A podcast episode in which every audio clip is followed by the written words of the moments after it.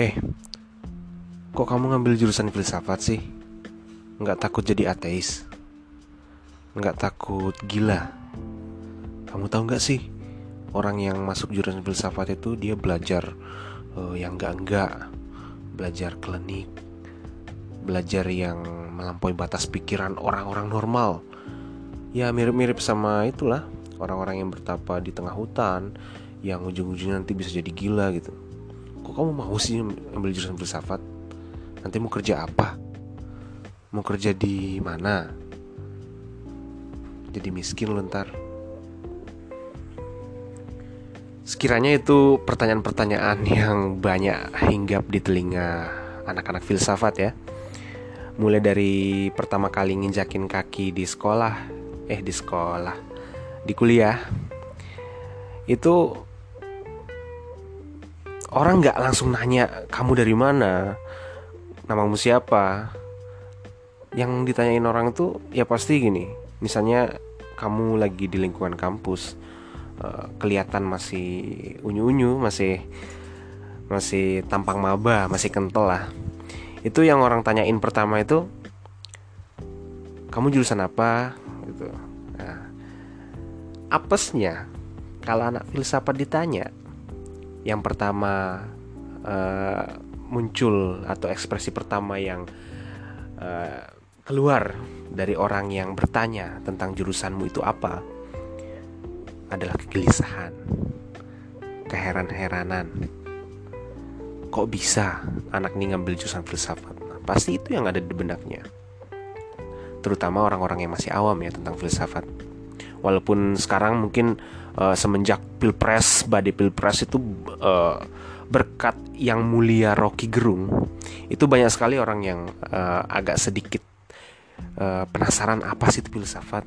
Dan nggak banyak juga dan nggak sedikit juga gitu yang mengidentikan filsafat itu sebagai ya Rocky Gerung. Rocky Gerung itu adalah representasi dari filsafat padahal nggak juga gitu. Nah, di sinilah uniknya filsafat di mana memang tidak ada tidak ada kebenaran mutlak ya. Karena memang kebenaran mutlak itu hanya milik agama. Uh, jadi setiap klaim-klaim kebenaran itu harus dipertanyakan. Dan ini kita nggak bicara dalam konteks agama ya. Karena ketika berbicara agama di sana ada aturan-aturan baku yang harus kita patuhi.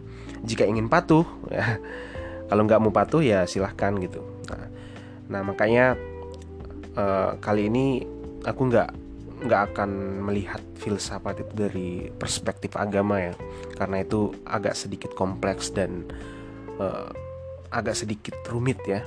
Dan untuk meyakinkan para uh, pecinta-pecinta agama dan para pemeluk agama yang memang uh, sangat militan di dalam uh, mempurifikasi agama mereka gitu di dalam semangat puritannya ya sangat banyak dari mereka tidak mau membuka pikiran tentang apa itu filsafat.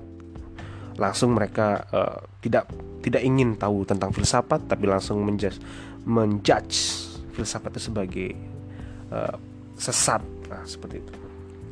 Sebenarnya ini segmen uh, melanjutkan segmen sebelumnya, di mana sebelumnya aku udah uh, agak sedikit panjang lebar ya cerita tentang siapa aku, motivasi kok ngambil uh, topik filsafat.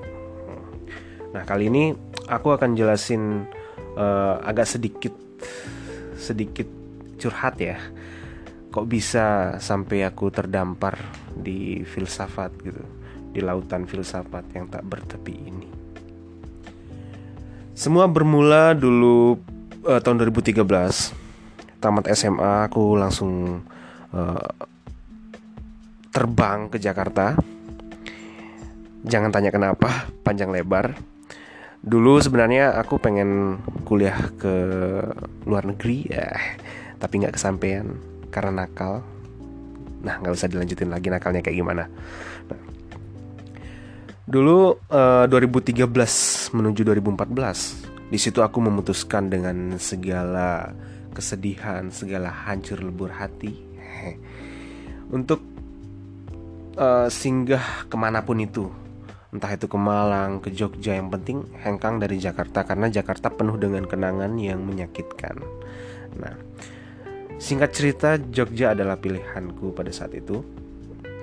Aku terbang ke Jogja dan bertemu dengan teman-teman di sini dan uh, sebagian besar adalah teman-teman SMA dan uh, banyak juga dari kalangan keluarga yang kuliah di Jogja. Pada saat itu aku memang dalam posisi terlantung-lantung. Masih tidak tentu arah gitu. Entah itu mau melanjutkan kuliah atau mau nganggur dulu. Nah karena dorongan dari orang tua yang ingin melihat aku tetap uh, melanjutkan ke jenjang lebih tinggi yakni bangku kuliah maka aku pada saat itu inisiatif tersendiri inisiatif sendiri ya uh, pinjam motor temen yang dulu itu aku belum ada motor ya di Jogja. Pinjam motor temen. Terus uh, pergi ke UMY nah, sebut merek aja ya. Universitas Muhammadiyah Yogyakarta. Nah, posisiku pada saat itu masih numpang nginep numpang tidur lah di kontrakan temen. Itu di daerah Wiro Berajan di deket dari UMY pokoknya. Nah aku langsung ke UMY tanpa sepengetahuan orang tua tanpa izin dulu ke orang tua. Langsung daftar tuh. Daftar uh, dulu itu tesnya CBT Computer Based Test. Dan pada saat itu aku milih jurusan hukum. Karena memang aku ini walaupun SMA-nya anak IPA tapi otaknya nggak jauh-jauh dari PS karena dulu emang IPA itu bukan ini ya bukan uh, jurusan yang disesuaikan minat dan uh, disesuaikan dengan cita-cita ingin jadi saintis gitu enggak. Kebanyakan anak SMA itu masuk IPA itu karena gengsi sebenarnya. Karena uh, kesannya kalau anak IPS itu lebih apa ya lebih nakal dan dan pokoknya nggak nggak brilian lah. Kesannya itu nggak rajin nakal selengian gitu. Kalau mau seneng-seneng ya menikmati masa SMA ya masuk IPS nah walaupun ini bukan ini ini hanya anggapan loh ya. Bukan berarti anak IPS itu jelek gitu. Nah kemudian aku masuk di UM-nya itu lewat jalur CBT lewat uh, uh, tes dengan menggunakan komputer. Pada saat itu juga aku lulus lulus tuh di jurusan hukum. Nah setelah itu aku merasa aman nih merasa ada cadangan. Nah, cadangan jadi uh, setidaknya aku udah satu langkah lagi udah bisa duduk nih di bangku kuliah gitu. Nah kemudian aku ngasih tahu orang tuanya ngasih tahu orang tuaku gitu. Itu sehari atau beberapa pokoknya lama setelah pengumuman kelulusan. Nah orang tuaku pun ya mengamini semua mengamini. Jadi uh, tidak ada yang kontra dengan pilihan itu yang penting itu terbaik untuk aku gitu nah Kemudian uh, aku pun memilih untuk uh, melamar ke universitas negeri yang pada saat itu uh, seleksi masuknya itu bernama SBMPTN ya. Nggak tahu sekarang masih atau udah berubah. Nah, pada saat itu aku pilihan pertama itu milih di Jogja juga. Itu hukum UGM. Nah, pilihan kedua, aku kok jadi flashback ya. Dulu pas SMA itu pernah seru-seruan sama teman-teman. Teman-temanku milih jurusan yang mainstream. Ada yang teknik teknik sipil teknik mesin. Terus ada yang ngambil jurusan inilah jurusan itu. Nah aku itu orangnya nggak mau sama gitu. Pokoknya kalau teman-teman ngambil kedinasan ada yang ngambil oh IPDN ah itu udah mainstream gitu. Ada yang ngambil polisi ah udah mainstream. Ada yang ngambil stan udah mainstream. Ya bukan karena uh, ini ya aku sosokan sebenarnya. Bukan karena aku jago gitu. Ya yang jelas seru-seruan aja. Udah mainstream. Nah aku searching aja tuh di Google. Searching uh, daftar sekolah kedinasan di Indonesia. Nah muncul tuh banyak banget listnya. Yang paling atas tentu yang banyak yang paling banyak digemari ya IPDN, STAN, STIS dan lain sebagainya. Nah, aku sampai uh, scrolling ke bawah itu nemu satu universitas eh satu sekolah kedinasan yang yang terbilang unik ya. Dan pokoknya kalau pertama kali ngelihat jurusan ini itu dari namanya aja itu udah terbayang terbayang apa coba? Sosok James Bond Men in Black nah sekolah apakah itu? Ya kalau sekarang itu mungkin uh, kalian semua tahu lah BIN Badan Intelijen Negara. Nah sekolahnya untuk bisa masuk BIN itu salah satunya adalah STIN nah namanya STIN STIN Sekolah Tinggi Intelijen Negara. Nah, aku melamar di situ sudah seleksi administrasi sudah lolos. Nah mau berangkat ke Denpasar eh ibuku nggak ngizinin. Gara-gara ngelihat uh, ibuku ngelihat di uh, situs resmi STN itu ada slogan kerja tidak dikenal mati tidak dikenang. Selebih kurang lebihnya kayak gitu. Hmm. akhirnya aku nggak diizinin karena memang uh, menurut tuturan orang-orang ya. Kalau udah jadi bin jadi intelijen negara itu sama sekali identitas uh, apa pun itu akan dihapus. Intinya kayak agen rahasia gitulah. Gitu. nah gagal nih kuliah di situ. Nah seru-seruan lagi. Seru-seruan lagi aku searching jurusan-jurusan aneh di Indonesia. Jurusan-jurusan aneh. Nah nemulah filsafat kebetulan itu filsafat UGM karena satu-satunya filsafat uh, satu-satunya fakultas filsafat di Indonesia dari jajaran universitas negeri ya cuman ada di UGM gitu. Kalau di UI itu jurusan filsafat masuk di uh, fakultas sastra kalau nggak salah. Nah kalau di UGM itu beda sendiri cuy. Dia berdiri di satu oh, badan independen ya badan uh, fakultas formatnya gitu. Jadi beda sama uh, univ-univ lain. Agak sedikit seksi gitu kan. Agak sedikit uh, unik lah. Nah kemudian aku ngomong tuh ke teman-teman. Woi masuk filsafat aja cuy. Saingannya paling nggak ada pasti lulus. Nah gitu kan. Nah nah itulah yang uh, apa ingatan itu yang uh, teringat pada saat terluntang-lantung di Jogja Nah, itu sebelum keterima di UMY. Nah, pada situ aku memilih uh, pilihan kedua di mana pilihan pertama itu hukum, pilihan keduanya filsafat UGM, terus pilihan ketiga uh, psikologi Brawijaya. Nah, pindah kota tuh di Malang. Nah, singkat cerita lagi, uh, aku uh, sempat les juga di uh, lembaga persiapan gitu ya persiapan untuk SBM nah pada saat pengumuman aku lulus. Alhamdulillah kan tuh kan? Lulus di UGM lulus alhamdulillah. Jurusannya apa? Belakangan lah yang penting UGM nah gitu dulu kan? Aku nelpon orang tua nih. Wih gemeteran. Gemeteran yang demen banget gitu. Nah, orang tuaku nggak tahu kalau aku itu milih jurusan filsafat. Yang aku kasih tahu itu cuman jurusan hukum UGM nah aku ngasih tahu alhamdulillah bu. Pak aku lulus di UGM woi semua pada senang. Nah setelah semua pada senang aku sedikit uh, pelan-pelan. Bu lulusan lulus di UGM tapi uh, jurusannya itu aku sebelumnya nggak bilang.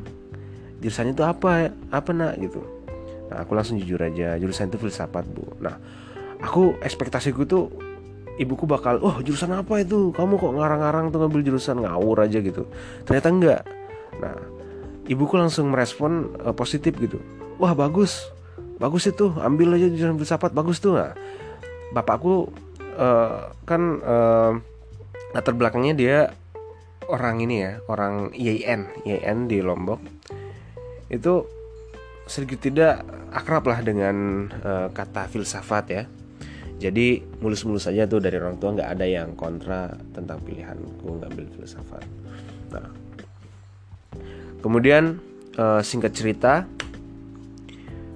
uh, daftar ulang di filsafat. Di UMY juga udah daftar ulang tuh. Udah sempat berapa ya dulu? Agak mahal sih ininya. Buka-bukaan aja ya. Dulu aku katanya di UMY 6,7 juta.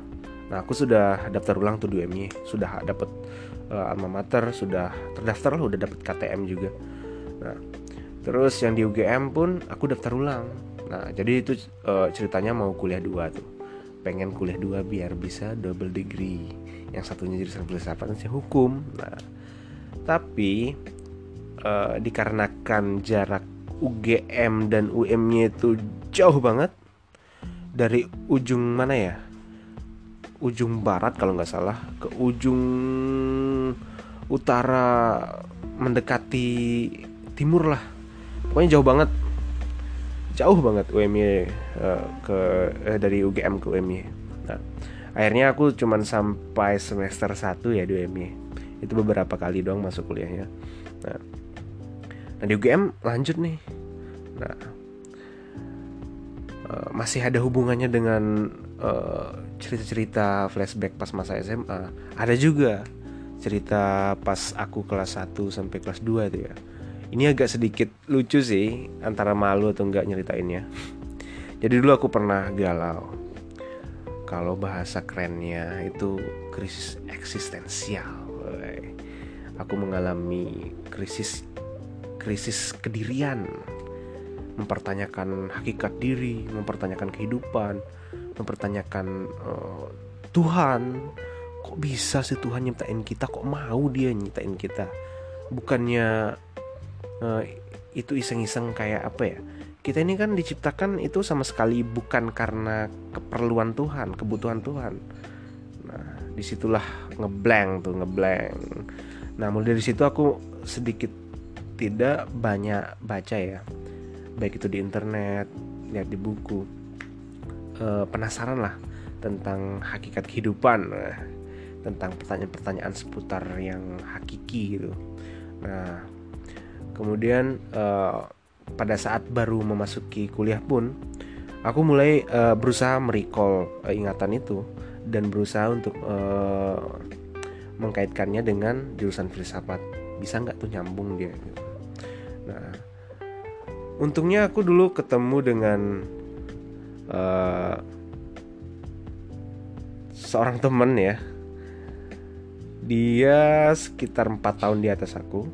Dan sekarang uh, dia pada saat aku masuk kuliah di filsafat UGM uh, doi udah ini udah mau lulus gitu.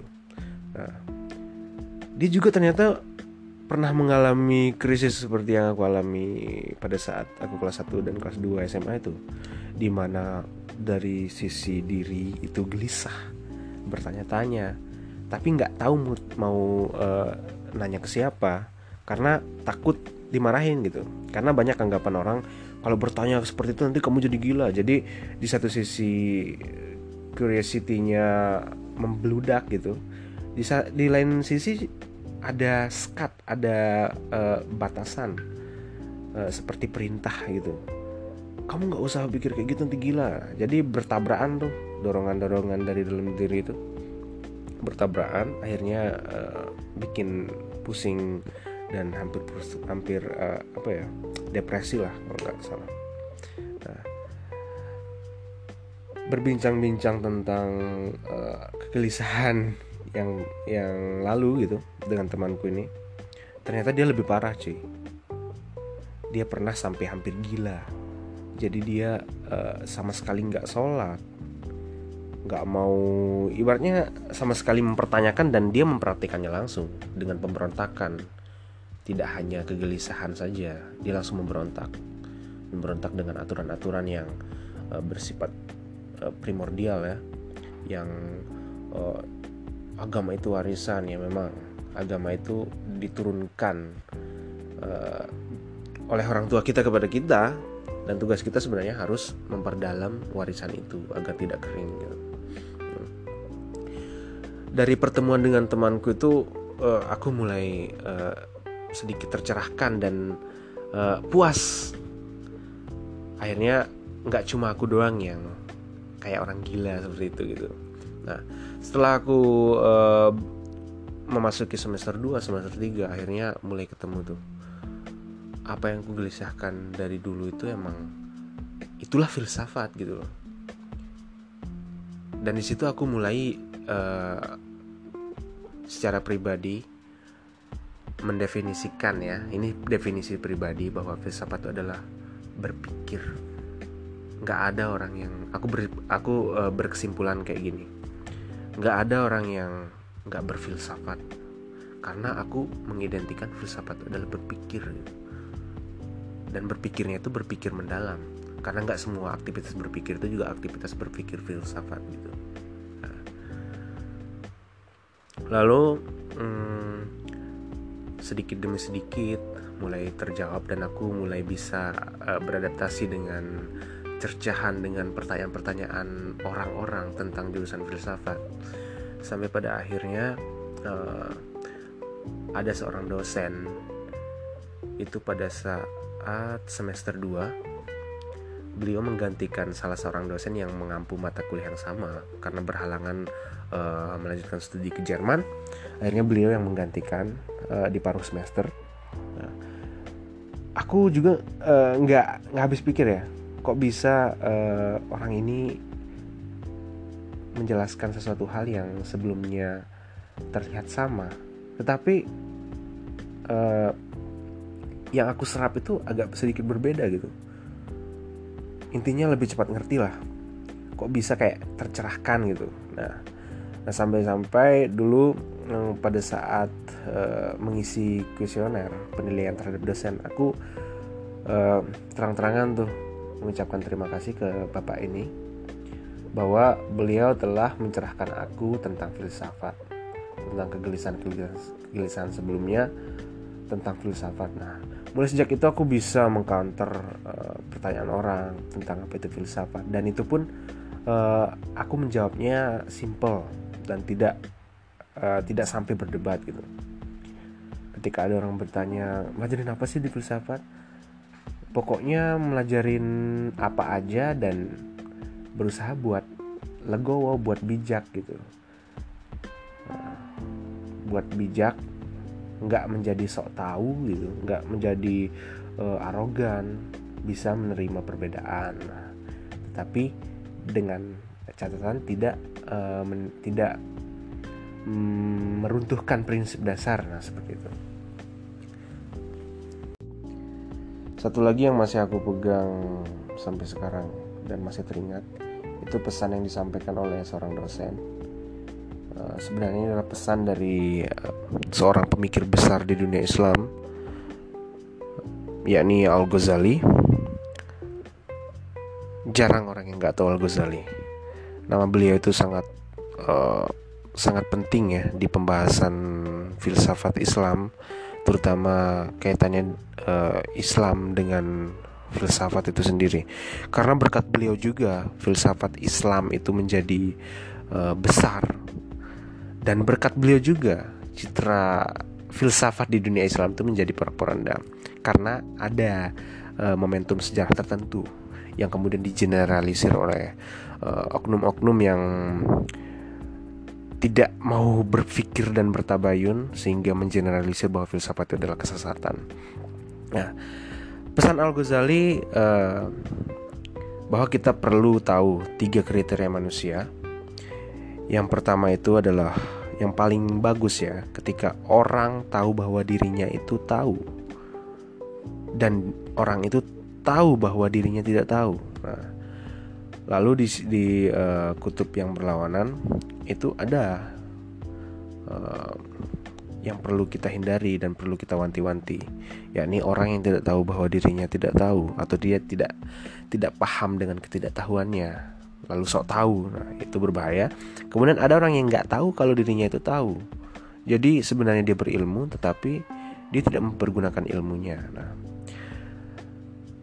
pesan Al Ghazali itulah yang uh, sampai sekarang sangat relevan dengan filsafat itu sendiri. Karena jika kita melihat uh, dari pembentuk katanya itu dari bahasa Yunani Pilein dan Sophos atau uh, Pilos dan Sofia di mana singkatnya arti dari filsafat itu sendiri secara kata ya suku kata itu sebenarnya cinta kepada kebijaksanaan atau pecinta kebijaksanaan. Sederhana. Tidak perlu uh, rumit-rumit sebagai pengantar untuk memahami filsafat apa itu filsafat. Sebenarnya sederhana.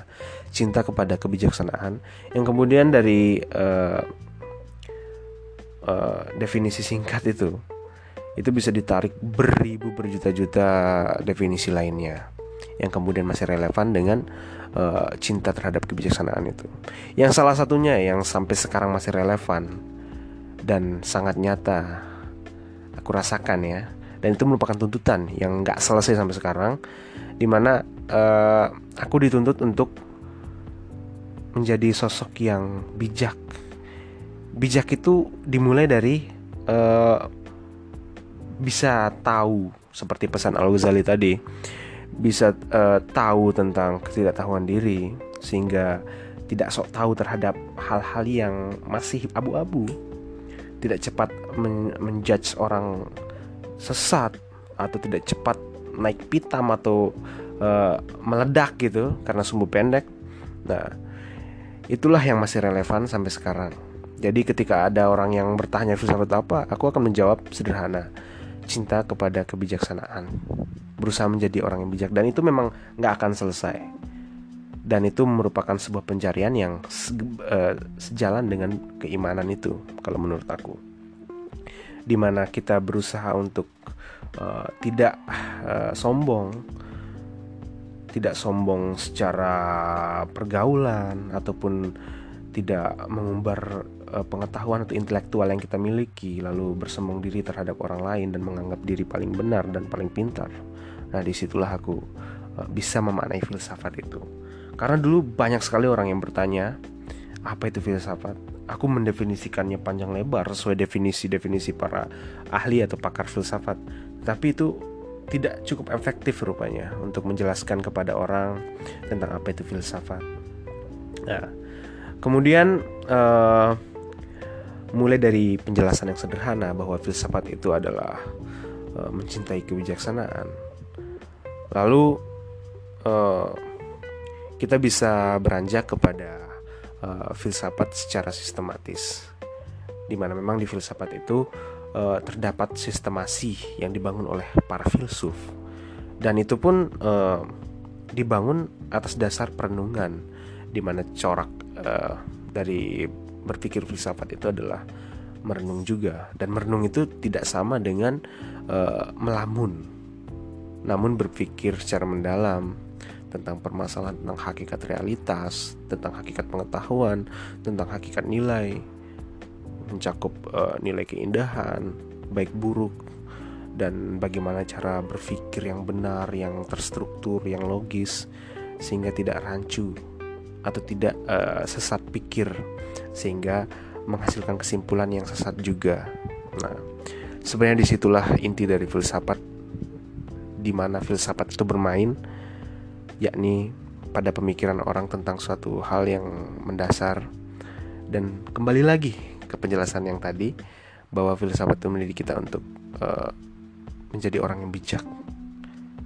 Bijak dengan cara apa? Dengan tidak cepat terburu-buru menilai suatu hal sebelum uh, berpikir panjang tentang hal tersebut